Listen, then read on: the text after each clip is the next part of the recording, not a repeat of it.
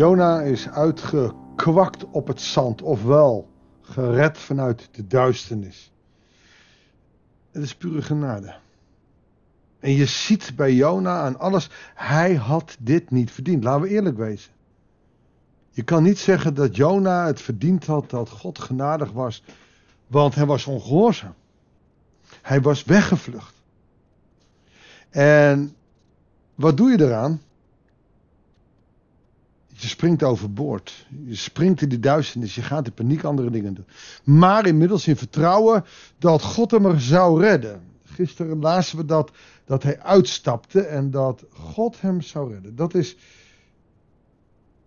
dat is een feit nu. Hij wordt dus op het strand gezet. En dan is er opmerkelijk, dan begint Jona 3 precies hetzelfde als Jona 1. En daarom gaan we dat nu lezen. Goeiedag, hartelijk welkom bij een nieuwe uitzending van het Bijbels Dagboek. Opnieuw staat hij dan, richtte de Heer zich tot Jona. Oftewel, de Heer richt zich tot Jona. Maak je gereed te gaan naar Nineveh, die grote stad, om haar aan te klagen met de woorden die ik je zeg. En Jona maakte zich gereed. Alleen nu verandert het en ging naar Nineveh.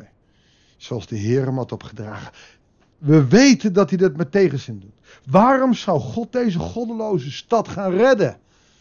Waarom moest hij die boodschap eruit geven? Er is genoeg te doen in Israël alleen al.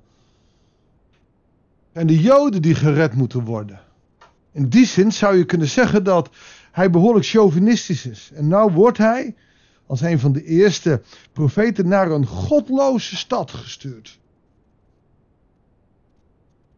Maar hij gaat, want hij heeft gezien dat als hij niet gaat, dat het helemaal misgaat. Hij is niet voor niks overboord gezet. En ik denk dat hij zijn lesje geleerd heeft. Prima. Dus hij gaat op reis. Maar wij weten dat dat met een zekere vorm van tegenzin is. Dat is gewoon goed te onthouden. Tegenzin. Maar betekent niet dat ook met tegenzin je kan luisteren naar God. Jona trok de stad in. Eén dag reis ver. Dat betekent dus dat het een behoorlijke stad is. Ik denk dat je, als je één dag wandelt, dat je dwars door Amsterdam kan lopen. Maar als je één dag reis ver een stad in gaat en dan nog niet de stad uit bent, dan heb je een hele grote stad. Ik moet dan denken aan, ik ben in Bolivia geweest, aan La Paz. Nou, ik denk dat je daar er een paar dagen over doet om door de hele stad te lopen. Ook omdat je daar over een berg moet. Maar het is dus groot. En dan roept hij uit, nog veertig dagen.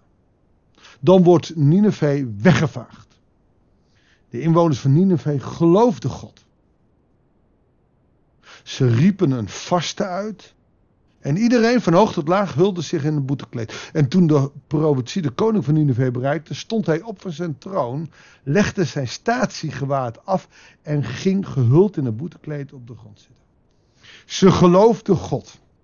Ofwel, ze geloven de woorden die Jona uitspreekt dat God hen in 40 dagen zal verdelgen. Klaarblijkelijk hebben zij eerder gehoord van de God van Abraham, Isaac en Jacob. Van die God waar niet mee te spotten valt.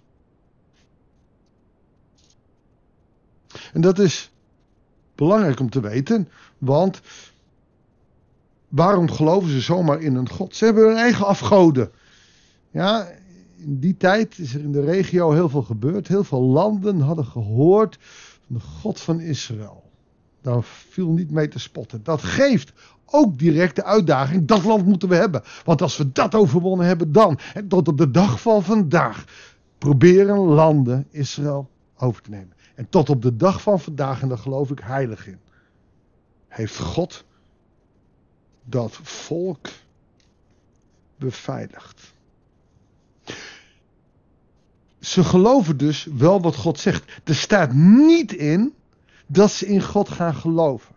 Ze zijn hooguit bang, maar bij de bootsmannen, bij de scheepsmannen aan boord, waren ze bang ontzag. En daar zit een verschil in. Die mensen, voor wie de boodschap niet bestemd was omdat die voor de Nineveïten was, hebben de boodschap gehoord en hebben het wonder gehoord. Zijn tot bekering gekomen. Hier geloven ze God dat hij hen zal vernietigen. Maar er staat nergens dat ze in God gaat geloven. Ook de koning niet. Die gehuld in een somber gewaad, op de grond zitten. In een boetekleed. Zo van nou. En een lied in Nineveh omroepen. Volgens bevel van de koning en zijn edelen is het niemand toegestaan te eten en te drinken. Mens nog dier, rund nog schaap, nog geit. De dieren mogen niet graas of wind drinken. Uh, water drinken, sorry. Ieder mens of dier moet zich hullen in een boetekleed en luidkeels God aanroepen. Laat iedereen breken met zijn kwalijke praktijken en het onrecht dat hij doet. Een paar dingen. Ze moeten God aanroepen. De God van Israël. Maar dat is niet hun God. De God van Israël is een, is een verre God. Het is niet persoonlijk. De God van Israël is een, is een God die voor hun weg, ver weg is, maar die moeten ze aanroepen. En ze moeten stoppen met hun kwalijke praktijken. Dat is heel mooi. Stop met je kwalijke praktijken, dat is klaar. Moet je doen. Maar dat is niet genoeg. Ze komen niet tot bekering. Maar dat is ook niet de vraag die God heeft. Wat God wil, is dat deze mensen gaan stoppen met hun kwalijke praktijken. Zij wil dus daar het kwaad uitbannen. Niet meteen bekering, niet meteen gaan geloven in. Nee, het kwaad uitbannen. En dat is ook weer een ander opzicht.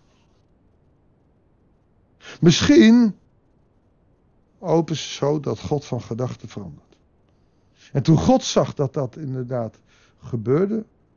En dat zij braken met een kwalijke praktijk, zag hij vanaf hen te treffen met onheil dat hij had aangekondigd. En hij deed het niet. Hij luistert, Jona luistert naar God. In dit geval wel. Hij doet braaf wat God zegt. Wij weten uit het volgende hoofdstuk dat hij dat met tegenzin doet. Dit lijkt op die oudste zoon. Netjes, braaf doen wat de vader wil. Er is geen lol aan te beleven, er is geen plezier, maar je doet braaf wat goed is in de ogen van vader. Er zit geen energie in. Er zit geen. Nee, het is, het is alleen maar braaf doen wat God wil. En nou, dat mag, dat kan, dat zal, maar je ziet dat de oudste zoon later gaat mopperen. Dat gaan we morgen ook meemaken als Jona dat gaat doen. Want alleen braaf doen wat God van je vraagt is niet de optie. Dat is zoiets als braaf elke zondag naar de kerk gaan, maar als het tegen zit in het leven, mopperen, God doet nooit wat. Waar is God nou? Grappig dat, dat die overeenkomsten er zijn. En dat het zelfs op ons aanstuit. Wanneer we af en toe eens rebelleren en dus op zoek gaan, zoals de jongste zoon of zoals Jona op, weg gaat, heeft God liever, kijk eens naar uh, openbaringen 3, liever koud of liever heet, maar dat lauwe. En, en het gek is, die oudste zoon en de Jona in het tweede gedeelte is eigenlijk lauw. Nou, dan doe ik wel wat hij wil. Als ik dan zo nodig dat moet doen, dan, dan luister ik naar hem en dan zal ik dat braaf doen. En that's it. Gek hè? Zie je de overeenkomst? We zullen morgen nog meer overeenkomsten zien. God vraagt van ons niet braaf naar de kerk te gaan en that's it. God vraagt van ons een persoonlijke relatie met Jezus te hebben, dag in dag uit, te leven met Hem. En, en dan dat we dan gaan trainen, oftewel gaan oefenen op zondag en daar uh, lering uit mogen trekken. Helemaal goed. Dat is van heel groot belang. Maar het is niet het. Alleen maar naar de kerk gaan, daar word je niet mee behouden. Maar een, levende relatie met Jezus, daarin kom je uh, tot redding. En dat zie je dus hier ook al gebeuren. En feitelijk was God veel, denk ik, veel gelukkiger met de rebellerende Jona in hoofdstuk 1. En door de rebelsheid van Jona komen mensen tot bekering dan nu de Lauloenen. En nou, Jona die roept uit dat er na 40 dagen straf is. Waarschijnlijk denkt hij erbij, jullie hebben het verdiend en ik hoop dat hij het doet. En dat zullen we morgen ook gaan ontdekken dat hij dat wil.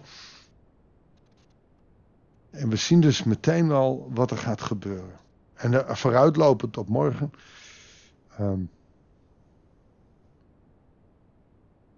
God geeft hier niet Nineveh die grote stad, een standje. Het boek Jona gaat over Jona. Gaat over de mens Jona. Het boek Jona gaat over jou en mij. Hoe wil je gehoor geven de boodschap van God? En dat is belangrijk. Hoe reageren wij als we in ons dagelijks leven geconfronteerd worden met ons geloof en de maatschappij? Morgen verder, ik wil voor je bidden. Trouwe God en Vader, opeens gaat het verhaal van Jona leven, wordt het persoonlijk. En dat is wel heel eng. Toch is het belangrijk om een spiegel te krijgen. Hoe zijn wij? Gaan we liever lauwloenen doen en maar doen wat u zegt en dat zit. Alleen maar naar de kerk en verder niet. Of luisteren we naar uw wil en, en gaan we de wereld in en vertellen we van uw woorden. Heere God en hoe reageren wij als we luisteren naar uw stem? Heer, laat ons in de spiegel kijken van het boek Jona en ontdekken wie wij zijn. Zegen ons en ga met ons mee, ook deze dag. Dat bidden we u in Jezus' naam. Amen. Dankjewel voor het luisteren. Ik wens je God zegen toe. En graag tot de volgende uitzending van het Bijbelsdagboek.